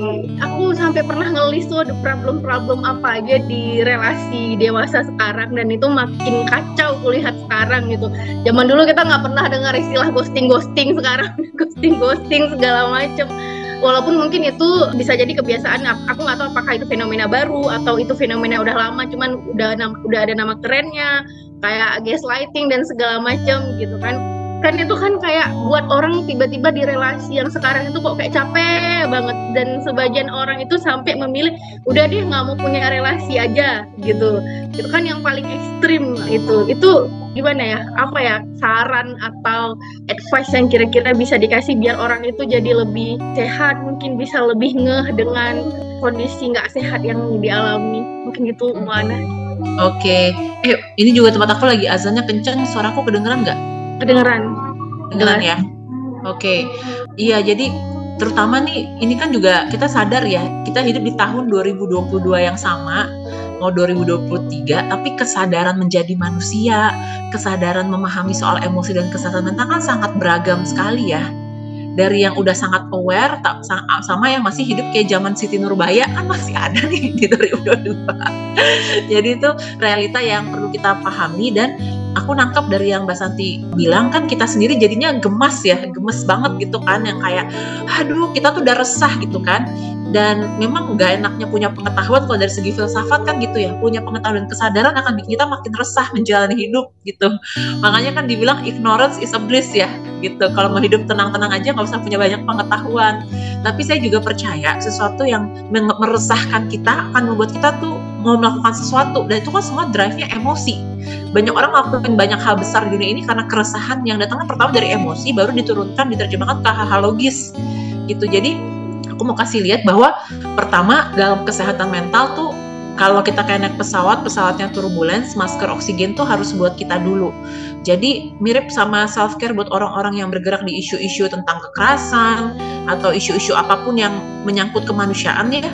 Ketika kita punya concern soal relasi, kita perlu selalu self care diri kita sendiri dulu gitu. Kayak misalnya saya tadi sebelum sesi hari ini saya udah tidur dulu gitu. Terus melatih hal-hal yang ngebantu kita tuh bisa recharge diri sendiri. Dan kadang-kadang kalau itu misalnya ada di lingkungan terdekat kita kita butuh off dulu dari teman-teman kayak gini. Apalagi kalau misalnya yang capek itu kan ngadepin teman-teman yang hidup di lingkungan bermasalah ya. Dan kapasitas kita ke teman ini hanya sebagai teman bukan profesional gitu ya saya juga walaupun kuliah di psikologi ada teman saya di lulusan psikologi juga relasi sama suaminya sangat sangat tinggi kekerasan sampai pernah diseret. Tapi maksudnya kan itu makanya penting sadar diri dan sadar peran. Oh saya itu kapasitasnya sebagai temennya dia. Saya cuma bisa dengerin dia waktu dia cerita tapi saya nggak bisa ngelakuin apa pun betul jadi kita juga perlu belajar paham ya batasan kita bersama orang lain salah satu yang saya pelajari, maksudnya yang saya proses ke diri saya, saya tuh juga tadinya ada bawaan savior syndrome ya, pengen nyelamatin semua orang. Tapi makin kita memproses diri, we can only save ourselves sih sama orang terdekat kita. Kalau ke lingkungan luar ya yang penting yang bisa saya lakukan adalah bikin postingan. Yang ngerti ya udah, yang nggak ngerti juga nggak apa-apa gitu. Belajar legowo dan letting go tuh dengan memproses self care self care emosi nanti saya akan jelasin. Tapi banyak tarik nafas, banyak breathing exercise kayak oh ya ya ini mengganggu mengganggu kamu ya Nas ya, tapi kita nggak bisa nyelamatin mereka. Dan kadang ada momen izinkan diri untuk grieving juga, untuk bersedih bahwa ini teman yang sangat dekat sama saya, tapi saya nggak bisa nyelamatin hidupnya dia. Terutama uh, dalam konteks ini adalah ketika mereka ada dalam abusive relationship, kita harus membantu mereka punya kesadaran yang empowering mereka. Kita nggak bisa kayak narik mereka dari rumah yang terbakar tapi kita perlu bantu kesadaran mereka kayak kamu sadar nggak sih kamu lagi di relasi yang nggak nyaman? Ini berbahaya loh relasi kayak gitu. Sadar nggak sih ada opsi relasi lain loh gitu. Yang yang kayak yang kayak, gitu akan ngebantu kita. Tapi dari kitanya sendiri maupun gimana approach kita membantu orang ada kuncinya kalau ke diri kita adalah self care kalau ke orang lain adalah pemberdayaan dirinya yang bikin ini berat terutama buat perempuan makanya ngomongin soal kesehatan mental nggak bisa lepas dari konstruksi gender ya karena kalau kita sadar anak-anak perempuan yang sudah menjadi dewasa itu dididik bahwa segala sesuatu tuh eksternal. Powernya tuh di lingkungan luar. Tapi untuk kesehatan mental powernya tuh harus dalam diri kita loh, internal gitu. Dan itu tuh saya lebih banyak bergeraknya secara intelektual, tapi tergantung tadi pas Mbak Santi nanya saya mau langsung jawab bluntly ini tergantung tingkat intelektual orang yang dihadapi. Kalau mereka secara intelektual nggak suka nganalisa, kita masuknya terus ke emosi oh iya ya nggak enak. Terus pakai contoh diri pakai role model atau ada contoh apa bahwa ada loh opsi yang lain. Tapi itu juga terserah mereka. Mereka mau tergerak atau enggak gitu. Atau kayak ah itu mah dia aku mah enggak nah, berarti masih di victimized mindset kan gitu. Atau lewat pengetahuan. Ini loh ciri-ciri relasi sehat gitu yang orangnya agak kuat di intelektual akan masuk tuh. Tapi kalau yang intelektualnya nggak masuk biasanya sharing-sharing saya pengalaman pribadi bagaimana saya memproses diri saya lebih masuk juga ke orang-orang. Jadi ini sebenarnya menggunakan kemampuan research juga nih untuk kita memberikan saran-saran ke orang gitu ya. Tapi penting juga tuh untuk self care kita. Saya ada hari-hari saya break dari sosial media ada berita-berita yang akan terlalu mengganggu saya secara emosi saya nggak baca. Karena kita lebih butuh energi untuk terus bertahan hidup dengan kewarasan dan kesehatan mental daripada nyelamatin semua orang. Kecuali juga tergantung bidang kerjaannya ya gitu. Makanya saya juga memilih pekerjaan yang saya bisa atur jadwal saya istirahat, berapa orang saya akan temui tiap hari karena saya termasuk highly sensitive person yang energinya bisa habis kalau misalnya terus-menerus terpapar sama situasi-situasi yang berat gitu. Saya juga minim dengerin cerita curhatan teman saya lebih sering denger cerita klien gitu ya. Jadi uh, kalau yang kita belajar dari healthy boundaries tuh gitu kalau ada teman yang cerita kita bisa tarik nafas atau tanya, oke okay, makasih udah sharing. Kamu pengen saya dengerin sebagai apa? Sebagai teman kamu atau sebagai orang yang tahu soal relasi sehat atau apa? Ah, saya pengen kamu dengerin aja. Oh ya udah, what you wish for gitu. Kayak kita pergi ke restoran ya. Oh ya udah pengennya ini. Ya udah kita kasih itu walaupun di kepala aduh harusnya tok tok tok tok harusnya ini, harusnya itu tapi kan ini hidup dia kita nggak bisa ngelakuin apa pun buat dia gitu. Jadi ini yang memahami power and control dalam relasi juga hal yang sulit. Karena kan mungkin orang tua kita juga pengennya overriding hidup kita terus ya. Kita kan beda sama mungkin Silva bisa banyak cerita gimana orang-orang di budaya Eropa yang dari umur 17 tahun aja bener-bener you your own person loh. Bener-bener di-appreciate semua keputusan hidupnya. Sementara kita apalagi kalau belum nikah ataupun sebagai anak perempuan dianggapnya semua urusan harus di putusin orang tua gitu kan. Nah itu tuh jadi beda. Jadi bicara soal kesehatan mental, akhirnya bicara lagi soal konstruksi gender dan juga bagaimana power and control dipahami dan dibiasakan dan mau belajar cara lain nggak? Oh saya sampai berantem sama mama saya pas saya bilang saya nggak nyaman ditanya-tanya kayak gitu. Kalau masuk kamar saya mama harus ketok pintu dulu. Terus saya mulai belajar bilang ke mama mah kalau mama ngomongin ini Anas nggak tahan. Itu kan latihan-latihan kecil yang akhirnya membuat saya bisa kayak gitu ke teman saya gitu. Atau kebalikannya latihan dulu ke teman supaya bisa kayak gitu ke orang rumah. Tapi we have to do the self care gitu. Ada batasan-batasan yang harus dilakukan gitu. Kalau enggak kita capek banget gitu ya, capek mental, capek fisik. Jadi kita sendiri perlu lakuin hal-hal self care 5 sampai 10 menit sehari ataupun 10 15 menit atau kalau ada waktu lebih luang 30 45 menit yang ngebantu kita becoming the best version of ourselves, ngebantu kita jadi diri versi terbaik dari segi misalnya kita belajar sesuatu yang menyenangkan buat kita secara profesional self care, secara fisik, hanya jalan kaki 20 menit aja bantu soothing our nervous system jadi lebih relax Uh, kalau saya banyak terbantu belajar latihan napas macam-macam di YouTube, breathwork sama meditasi ya guided meditation gitu. Terus spiritual self care hal-hal yang ngebantu kita ngerasa connect dengan energi yang lebih besar daripada kita. Bukan soal ritual agama tapi misalnya ketika kita pergi ke alam ngerasa connect, ketika kita berbagi ngerasa lebih connect sama energi yang lebih besar. Terus personal self care itu kayak apa ya hal-hal yang secara personal dan receh membantu kita jadi lebih rileks misalnya kalau ada aroma sabun yang kita suka atau ada tekstur baju tertentu atau nonton tertentu yang bikin rileks saya juga bukan tipe yang rileksnya tuh nonton drama Korea. Jadi itu juga pelajaran hidup yang saya alami adalah it's okay to be different. Karena mungkin perempuan kebanyakan suka nonton drama Korea tapi karena saya nggak tahu karena saya highly sensitif atau saya punya kondisi ADHD dan kerjaan saya tiap hari itu udah ngurusin drama hidup orang. Jadi saya kalau sudah nonton drama lagi saya gak relax saya stres banget. Jadi saya mendingan nonton film dokumenter atau tidur setelah sekarang gitu ya.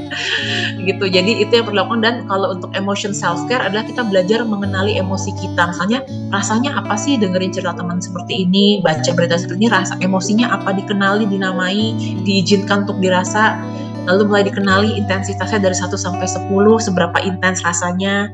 Terus pikiran-pikiran yang muncul di kepala kita apa kayak aduh kenapa sih dia hidupnya di lingkungan kayak gitu? Atau kenapa sih dia nggak nyadar-nyadar? Itu kan gemes-gemesnya kita nah kita tuangin. Jadi setiap pengalaman hidup kita jadi teaching moment kita untuk memproses diri lebih dalam dan untuk mengenal diri kita lebih dalam. Karena at the end of the day yang bisa kita proses itu cuma diri kita. Bahkan kalau pakai teori Jungian psychology apa pun yang irritating buat kita itu hanya proyeksi dari shadow kita. Hal-hal yang bikin kita kesel gemes di dalam diri maupun di luar diri kita sebenarnya kita punya shadow itu. Jadi it's always coming back to ourselves untuk memurnikan dan menjernihkan diri kita makin menguatkan koneksi kita eh, bagaimana kita mengenal diri kita ke diri kita sendiri.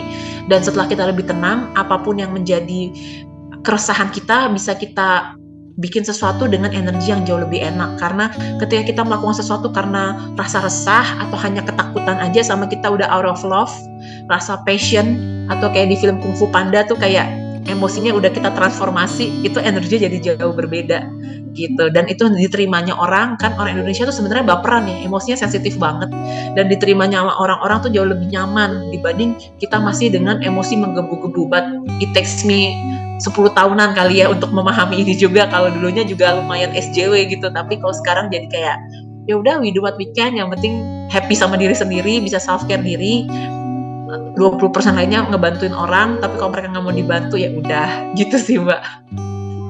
Mungkin sedikit lagi kayak ada nggak sih cara sederhana kita bisa tahu bahwa oh ini saya dalam relasi nggak sehat nih. Oh ini saya dalam apa ya dampak-dampak nggak sehat dari keluarga yang bermasalah yang itu ternyata ngaruh ke ini. Karena orang kan kadang dia sebenarnya aku nggak tahu juga ya sebagian orang itu mungkin apakah dia memang tidak dibiasakan untuk mengenali emosi sendiri. Jadi di saat dia sebenarnya aktualnya sedang menderita secara emosi tapi dia sendiri tuh kayak nggak ngeh gitu. Iya betul. Nah, itu. Jadi itu itu gimana ya cara misal kalau misalnya kita sedang dalam relasi nggak sehat terus uh, dengan pasangan termasuk itu kan ada dampak dari masa kita itu kita cara mudah menandainya oh ini ternyata nggak sehat ya hal yang selama ini kita anggap biasa oh ternyata ini nggak sehat itu cara mudah nandainnya kalau kita awam dalam urusan uh, mental health itu gimana sih? Ada, yang pertama, ada... yang aku tadi kepikiran begitu Mbak Santi bilang, ada mekanisme kita itu numbing, dibikin emosinya baal. Bayangin bertahun-tahun hidup jadi anak, nggak ada yang pernah ngertiin emosi kita, akhirnya kita defense mechanism. Ini mungkin bisa jadi topik bahasan berikutnya tentang mengenali defense defense mechanism manusia. Karena tanpa knowledge nggak bisa ke mana-mana dan kalau buat orang-orang yang nambing, mereka akan merasa hidup mereka baik-baik aja loh. Karena untuk akses emosi harus ada vulnerability dan harus ada strength-nya juga.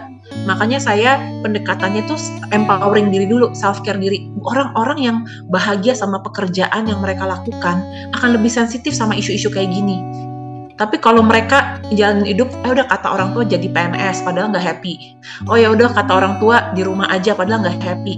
Mereka nggak punya power, nggak punya resource buat menyadari ini nggak berharga. Ini tuh nggak, ini tuh nggak sehat. Gitu. Jadi makanya buat saya setelah saya makin mempelajari ilmu psikologi klinis, ternyata saya ngerasa bener-bener empowering itu bukan jargon. Karena empowering is the true weapon, the true resource untuk orang ini mulai melek bahwa oh rasanya hidup bener-bener kontrol di diri kita tuh gini loh rasanya ngerasain the joy of life the spark of life tuh kayak gini dan abis itu nggak ada kepikiran gimana ya replika happiness hidup yang saya alami di kerjaan di karir atau di pendidikan ke hidup internal saya di rumah gitu. Tapi kalau dia nggak orang nggak pernah ngerasain rasanya nasi goreng enak dia selalu makan nasi goreng basi. Ya udah dia pikir hidup nasi goreng basi nih gitu kan. Jadi yang kita mesti sadar sama orang kaya apa sih kita ngomong? Dia punya resource untuk ngerasain happiness of life nggak gitu. Mungkin jadinya jatuhnya ke hal receh aduh saya senang kalau saya beli baju baru saya punya make up baru. Tapi that kind of spark joy-nya itu yang perlu kita tarik ke itu bisa terjadi di hal-hal lain loh di dalam hidup kamu gitu. Terus caranya untuk orang sadar tuh sebenarnya balik lagi ke kenapa sih sekarang di Indonesia tuh beredar atau ngetrend soal mindfulness. Karena sebenarnya mindfulness tuh tradisi Nusantara kesadaran. Kalau bahasa Jawa namanya eling saya nggak tahu kalau di bahasa Aceh apa. Tapi tentang menyadari everything. Kayak oh ya pagi ini saya bangun kok dadanya rasanya sesek ya? Oh pagi ini saya bangun rasanya nafasnya lebih hanya menyadari dan body sensation dulu mind body connection. Karena ketika seseorang hidup tidak boleh ngerasain emosi kita ini terputus loh sama sensasi tubuh kita. Makanya banyak orang tiba-tiba meninggal mendadak, mati muda, atau tiba-tiba sakit kronis. Itu sebenarnya kalau belajar ilmu tentang kesehatan tubuh, nggak ada yang tiba-tiba. Semua itu ada penjelasannya. Tapi kalau biasa nggak ngerasain tubuh, nggak biasa ngerasain yang nggak enak, ya kejadiannya dipikirnya mendadak. Padahal nggak ada yang mendadak sebenarnya. Bahkan sesederhana kok tiba-tiba rambut kita lebih sering rontok, sesederhana siklus menstruasi kita tiba-tiba jadi lebih sakit daripada biasanya atau nggak muncul itu udah satu tanda ada lagi ada hal yang lagi nggak balance gitu kalau saya juga kalau lagi banyak uh, saya lagi mulai banyak belajar soal atau baca soal tradisional Chinese medicine. Jadi gimana simptom-simptom tubuh itu menunjukkan ekspresi emosi tertentu. Ini juga saya pelajari dari sesi-sesi sama psikolog saya. Jadi kalau misalnya di kulit kayak tadi itu saya jerawatnya banyak banget. Nah bukan cuma sekedar pakai skincare atau pakai obat jerawat tapi kulit itu tentang emosi kesedihan jadi kalau kita udah mulai bisa kayak ngebaca tubuh kita kayak peta, oh ya kalau saya sering ngejerawatan, ada kesedihan apa sih yang saya tahan gitu. Mungkin hari ini nggak ketemu jawabannya, tapi begitu kita lebih sering bertanya, lama-lama tuh, tuh jadi lebih peka, lebih aware sama itu. Gitu. Kalau sering sakit pinggang, biasanya tuh sering ngerasa nggak disupport sama tubuh, sama lingkungan emang pengalaman-pengalamannya apa sih yang membuat kamu sering ngerasa nggak disupport? Jadi itu bisa jadi topik obrolan lain tuh tentang mengenali emosi-emosi lewat tubuh. Karena kayaknya tubuh itu lebih real buat orang kebanyakan yang awam. Dibanding kita bicara soal, oh ya dalam dua minggu terakhir ini kamu ngerasa cemas nggak? Kamu sulit tidur nggak? Itu kan kuesioner kuesioner kesehatan mental suka kayak gitu. Cuma menurut saya orang Indonesia nggak gitu sadar. Tapi kalau apa yang terjadi di tubuh, kayaknya orang lebih sadar deh. Jadi itu bisa jadi hint-hint masuk ke situ banyak perempuan muda sekarang tuh punya penyakit autoimun. Aku bisa share ke Silva di YouTube Bali Usada namanya Pak Merta Ade. Dia bahas bahwa autoimun itu kaitannya dengan nggak adanya sosok figur laki-laki dalam hidup yang sehat gitu. Jadi kita bukan cuma bicara soal punya bapak atau enggak, tapi bapaknya sehat apa enggak gitu. Karena punya bapak nggak sehat mental, kita juga capek nih recovery-nya gitu ya. Dan autoimun ini banyak dialami perempuan karena secara budaya kita banyak repress emosi sebagai perempuan. Walaupun laki-laki punya anger issue, tapi kalau kita lihat secara makro, laki-laki lebih punya banyak outlet untuk ekspresin emosinya dengan aktivitas fisik, permainan, olahraga. Perempuan banyak repress. Udah gitu banyak di budaya-budaya perempuan nggak boleh keluar rumah. Ya, nggak gimana itu emosi ke kependam semua di badan, terus badan jadi sel-sel tubuhnya jadi memakan dirinya dia sendiri. Jadi kalau kita mau menggali lebih dalam bahwa dari masalah autoimun atau masalah-masalah kesalahan fisik yang kita alamin, ini ada 80% muatan emosi loh. Makanya itu bisa jadi obrolan tapi kalau bahkan di level itu mereka ah nggak percaya mana mungkin ya udah kita nggak bisa ngobrolin gitu. Ini juga jadi bahasan di YouTube lagi viral juga dari YouTube-nya Dr. Yudi Gejali yang diwawancara sama 30 Days of Lunch sama Shegario sama Felix Sandro. Dia ngebahas dia lebih detail karena dia dokter medis yang belajar Oriental Medicine di Jepang. Jadi dia sangat ngerti kaitan antara simptom-simptom tubuh sama emosi-emosi. Jadi penting banget emosi-emosi itu dikelola gitu. Karena dari penelitian MRI-nya pun udah menemukan nih, setiap emosi itu direkam sama tubuh kita gitu. Jadi ya biasanya orang-orang Indonesia kalau udah mulai dikasih data-data visual gitu ya, bukan data-data riset nggak ngerti kayaknya kebanyakan orang. Tapi kalau dikasih data-data visual, terus cerita-cerita pengalaman hidup orang-orang yang udah lebih sehat hidupnya karena memproses emosi, mudah-mudahan mereka jadi terbuka. Tapi inget juga kenapa sih orang tuh nggak mau berubah? Karena semua perubahan itu rasanya nggak aman secara emosi. Jadi penting sekali kalau kita mau melakukan intervensi apa pun di level personal maupun masyarakat kolektif, pastikan rasa amannya secara emosi. Kalau rasanya aman, security system di otak jadi mau kebuka untuk mempelajari. Tapi kalau nggak aman, diserang-serang atau dipaksa-paksa, pasti shutdown.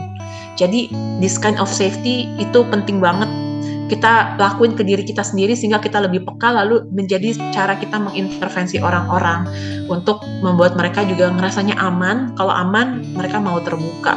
Jadi rasa sedih yang terlalu banyak itu kan warnanya blue ya. Sama rasa malu ya, shame. Itu mirip kayak depresi. Jadi depresi itu bukan karena kurang iman, tapi karena rasa sedih terlalu dalam, dipendam bertahun-tahun dan rasa malu malu bisa sebagai beban kalau orang tuanya suka marah kamu nih bikin beban aja jadi anak gitu.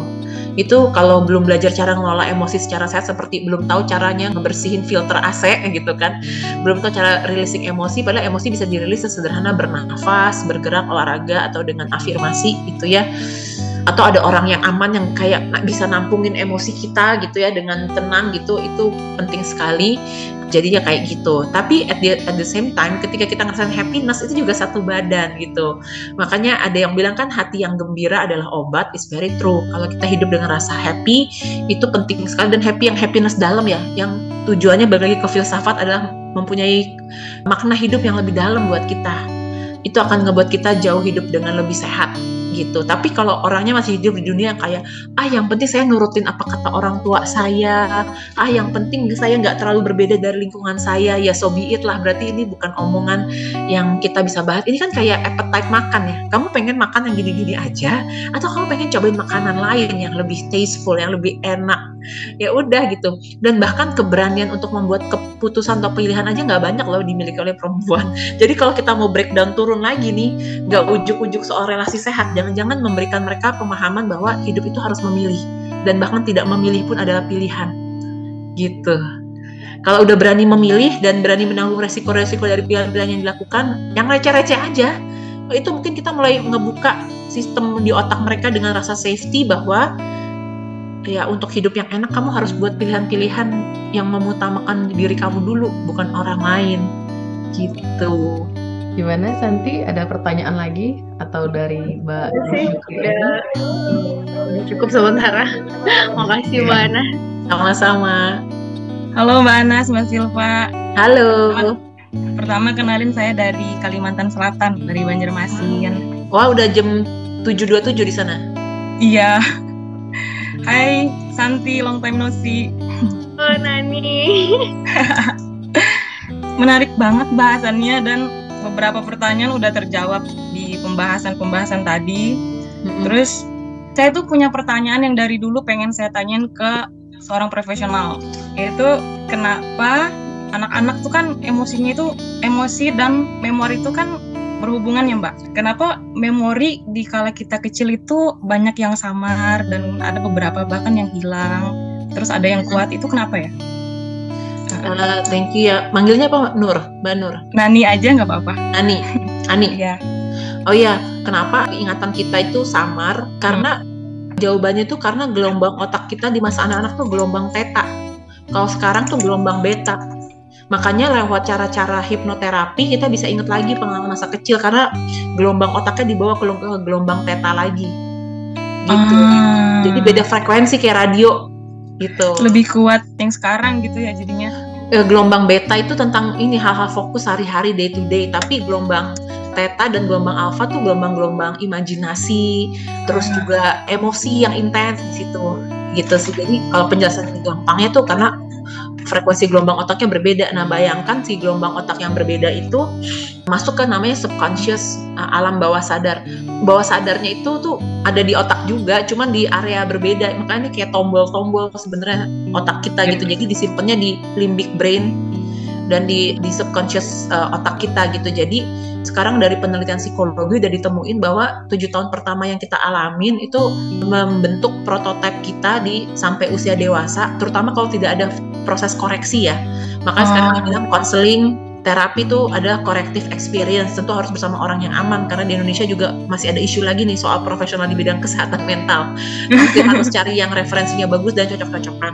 Itu akan mempengaruhi kita di dari tujuh tahun pertama apa yang kita alamin. Bahkan di dua tahun pertama kehidupan itu 80% sinaps-sinaps otak tuh udah terbentuk jadi kalau ada orang yang bilang ah nggak apa-apa anaknya lahir saya tinggal saya jadi maksudnya saya harus kerja ke luar negeri gitu. Saya kayak saya nggak kebayang kesehatan mentalnya anak-anak TKW gitu.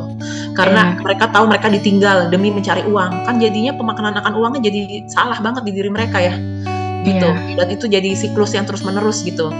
Nah makanya merencanakan punya anak itu harus dibayangin lima tahun habis anak itu lahir saya bisa stay terus sama dia nggak? Karena di klien-klien yang saya dampingi dan dari teori-teori yang saya baca dua tahun pertama itu juga membentuk rasa trust dalam diri manusia. Gitu. Kalau dia ditinggalin kalau dia ngerasa ditinggalin atau bahkan orang tuanya ada tapi nggak sensitif responsif. Jadi kunci ngasuh anak tuh sensitif dan responsif. Kayak petugas pemadam kebakaran lah gitu. Soalnya kan anak nggak punya banyak pengalaman jadi manusia ya jadi dia gampang takut gampang cemas. Tapi juga misalnya masih ada budaya-budaya di Indonesia yang sampai hari ini tahun 2022 masih meyakini ada namanya bau tangan kalau anaknya sering digendong nanti dia jadi ketergantungan sama orang tua ya mending ketergantungan sama orang tua daripada mas satpam depan rumah gimana sih gitu. kayak agak-agak nih cara mikirnya gitu kan ya padahal dari pengalaman sama orang tua itu adalah sense of safety and trust. Jadi kuncinya tuh kalau orang udah bisa bertanya tentang dirinya kayak kenapa ya saya tuh susah loh percaya sama orang. Nah kalau dia udah mau bertanya dan bertemu sama orang-orang yang udah lebih ngerti kan jadi yang kayak ini kamu beneran nanya pengen tahu aja atau udah pengen memproses diri gitu kan. Gitu. Jadi ini jadi panduan untuk mengetahui dia di usia-usia apa isu-isunya apa. Ini dari hmm. teori psikososial Erik Erikson kalau dari kuliah S1 psikologi juga dipelajari mungkin tapi nggak sedalam itu bahwa ini tuh jadi kuncian juga bahwa di umur nol lahir makanya proses kelahiran jadi penting. Kenapa sekarang juga banyak gentle birth dan kenapa kita perlu advokasi tentang proses menyusui lewat payudara ya. Karena yeah propaganda-propaganda susu-susu formula itu juga jahat loh buat kesehatan mental manusia gitu ya. Gitu. Jadi oh. memang kalau diteliti banyak masalah kesehatan mental karena kapitalisme gitu jadi nah, apa namanya rasa trust and mistrust di sini ini yang saya sendiri udah alamin dari proses saya melakukan emotional healing jadi saya hmm. itu uh, punya adik bedanya tuh satu setengah tahun sama saya. Jadi saya 18 bulan dia udah lahir. Jadi waktu saya 9 bulan ibu saya tuh udah hamil lagi dan waktu itu dia nggak tahu bahwa dia udah hamil sampai umur 4 bulan kandungannya. Nah begitu dia tahu di umur 14 bulan saya tiba-tiba diberhentikan dari ASI. Jadi pada manusia everything too intense, too sudden yang tiba-tiba terlalu cepat itu bikin trauma. Jadi nggak harus ngalamin tsunami dulu untuk ngerasain tsunami di kehidupan kita secara kecil-kecil. Nah, saya itu kan tadi saya bilang saya punya isu kecemasan tinggi, terus saya tuh ngerasa nggak nyaman tapi kan dimulai dari awareness sama diri. Nah waktu saya ngelakuin terapi sama psikolog saya dengan teknik namanya brain spotting terapi. Nah itu brain spotting terapi juga salah satu teknik terapi yang lagi cukup booming di Indonesia. Kalau kita googling brain spotting terapis itu praktisionernya udah ada di seluruh Indonesia. Nah dari teknik brain spotting itu saya jadi menemukan bahwa si Anas umur 14 bulan itu sangat traumatik. Tiba-tiba bayangin bayangin selama ini selalu bisa nyusuk dari mama saya, payudara itu kan sumber comfort rasa safety aman skin to skin. Tiba-tiba hari itu mama tahu dia kayak dia hamil. Hari itu juga saya udah nggak boleh nyusu. Hari itu juga saya nggak boleh tidur sama dia. Kebayang gak patah hatinya si Anas 14 bulan ini. Dan itu sedihnya luar biasa. Dan di sesi uh, terapi itu saya saya izinkan lagi per, uh, rasa sedihnya dirasain lagi ditemenin sama terapis yang ngerti emosi saya. Dan ini aja ceritanya masih agak sedih. Dan uh, abis itu uh, saya banyak ngelakuin reparenting ke Anas kecil. Jadi Anas yang umur 32 tahun ini kayak kita visual imagery ngomong ke Anas 14 bulan ini kayak maaf ya Anas mamah tuh dulu nggak tahu kalau pengalaman yang tiba-tiba itu sangat menakutkan buat Anas waktu bayi gitu. Maaf ya kalau dulu kamu harus ngalamin hal-hal nggak enak tiba-tiba sendirian. Tapi saya yang umur dewasa sekarang udah lebih ngerti gimana cara nemenin kamu. Dan saya mau lakuin tuh tiap hari atau tiap kalau rasa-rasa itu keluar untuk nemenin kamu dulu gitu. Jadi sebenarnya anak pertama kita bukan anak biologis yang kita lahirin tapi diri masa kecil kita yang perlu kita temenin kita nurture kita reparenting supaya emosi-emosinya makin lebih enak lebih tenang. Dan untuk mengisi kebutuhan-kebutuhan emosi yang orang tua kita belum penuhin gitu. Jadi tinggal kita cari nih misalnya kalau oh kenapa ya saya atau ada orang kurang inisiatif? Bisa tanya di umur 3 sampai 5 tahun kamu banyak dikasih kesempatan eksplorasi atau mencoba atau banyak dilarang? Kok ada orang-orang usia dewasa nggak punya tujuan hidup ya isu dasarnya di sini tapi mungkin mereka nggak selalu sadar gitu. Tahu ini tuh juga nggak gampang ngomongin ke orang. Kita harus respect yeah. orangnya. Kalau mereka nggak mau diulik kita nggak bisa ngulik gitu. Tapi jadi kayak oke okay, ini kayaknya isunya ini deh gitu. Jadi kalau sekarang banyak bahas tentang isu perselingkuhan itu kan us isu di umur 21 tahun remaja. Ke masa 2139 tentang pemaknaan akan cinta. Pemahaman akan cinta dapatnya dari mana? Ini tuh fondasi building block. Memahami cinta adalah lewat pengalaman ditemenin ada pengalaman kesetiaan, ada pengalaman punya tujuan hidup, ngerasa hidup itu ditemenin ada rasa percaya ya udah balik lagi ke relasi sama orang tua gitu. Jadi saya tuh sekarang kalau ada orang-orang insecure soal aduh saya bakal diselingkuhin nggak ya? Tuh saya bilang kamu tahu nggak sih isu perselingkuhan tuh bukan dia nggak puas sama pasangannya tapi dia punya childhood trauma sama orang tuanya gitu. Jadi kalau dapet pasangannya sebagus apa pun kalau childhood traumanya nggak dia beresin pasti dia akan selingkuh terus selingkuh gitu. terus Bagus banget sih jawabannya. Makasih banget. Sama-sama. Berarti bisa dibilang kalau ada memori yang ke recall terus kita di masa kecil terus kayak kalau ngingat itu emosi di dada tuh kayaknya sesak berarti belum terselesaikan seperti yang dijelaskan tadi kan? Iya, belum belum ke proses. Jadi ternyata emosi di kepala kita tuh kayak blender makanan karena pengalaman hidup kita tuh terlalu banyak terlalu cepat atau orang tua kita belum ngerti memproses emosi kayaknya di skip aja. Dengan ya, ada reaksi yang kerasa terus kita kalau misalnya sekarang saya cemas kan saya udah tahu nih kuncinya saya kurang ngerasa aman waktu kecil. Ya. jadi saya sering tarik nafas terus bilang, oh Anas lagi cemas ya, nggak apa-apa hmm. kita jalanin pelan-pelan. Anas kok Anas yang sekarang aman kok. Itu juga kata-kata yang terapi saya sering ulangin ke saya. Anas yang sekarang sudah aman kok. Anas yang sekarang udah lebih tahu kok cara menanganinya gimana. Tapi kita temenin ya emosinya gitu. Tapi ketika menjalani hidup yang lebih ngerti kesehatan mental gini, nanti ada hari-hari tubuhnya lebih berbicara daripada otaknya. Maksudnya, kok ada hari kayaknya nggak pengen ngapa-ngapain ya, atau kayaknya tadinya udah janjian sama orang tapi nggak jadi ya gitu. Karena the body keep the underscore kalau penelitian yang terbarunya gitu. Badan kita nyimpen reaksi emosinya gitu. Karena dulunya terlalu banyak nahanin sekarang kalau tubuhnya ngasih sinyal honoring the body daripada nanti jadi penyakit udah tuanya gitu ya. Kayak materi di awal tadi kan emosi itu tersimpan di diri kata Mbak Anes gitu. Berarti kalau dikatakan anak-anak itu rewel, wajar karena stres respon alami mereka tuh dari komunikasi verbal gitu. Iya, dan mereka akan paling rewel sama orang tuanya. Suka suka dapat banyak pertanyaan orang tua, kenapa ya kok sama kakek neneknya baik-baik aja ditaruh di daycare sama sekolah baik. Kalau ketemu ibunya tuh rewelnya minta ampun. Saya bilang kan mereka karena untuk nahan emosi itu butuh kematangan emosi ya, kematangan otak. Ya. Anak kecil kan nggak punya kematangan otak itu, jadi hmm. dia akan nunjukin vulnerability-nya ke orang yang paling dia percaya. Jadi kalau udah tahu ini, malah justru bersyukur bahwa dia ngerasa orang paling aman di hidupnya tuh orang tuanya. Alhamdulillah, makasih. Iya, Soalnya saya belum menikah, tapi belajar parenting dulu.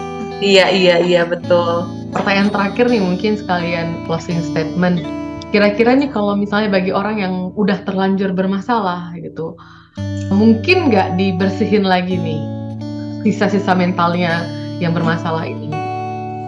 Sangat mungkin ya everything is possible healing is possible. Kalau dari faktanya penelitian tentang neuropsikologi itu kan makin menemukan ada namanya neuroplastisitas otak. Jadi otak kita ini plastis kayak bayangin aja kayak play-doh gitu ya. Plastis untuk berubah dan dibentuk gitu ya. Saya sendiri adalah survivor mental health survivor yang udah sampai ngalamin depresi berat mesti minum obat depresi 3 tahun terus ada suicide thought muncul tapi bisa recover sampai hari ini gitu. Ya ada sih hari-hari relapse tapi nggak pernah sampai seburuk itu. Jadi kalau saya ngerasa saya udah pernah on the top of the bottom gitu ya, udah pernah di nyusruk banget, tapi dengan bantuan profesional dan yang membantu maintaining sekarang tuh ada self care-nya itu. Jadi kalau punya isu kesehatan mental menurut saya kayak punya asma ya.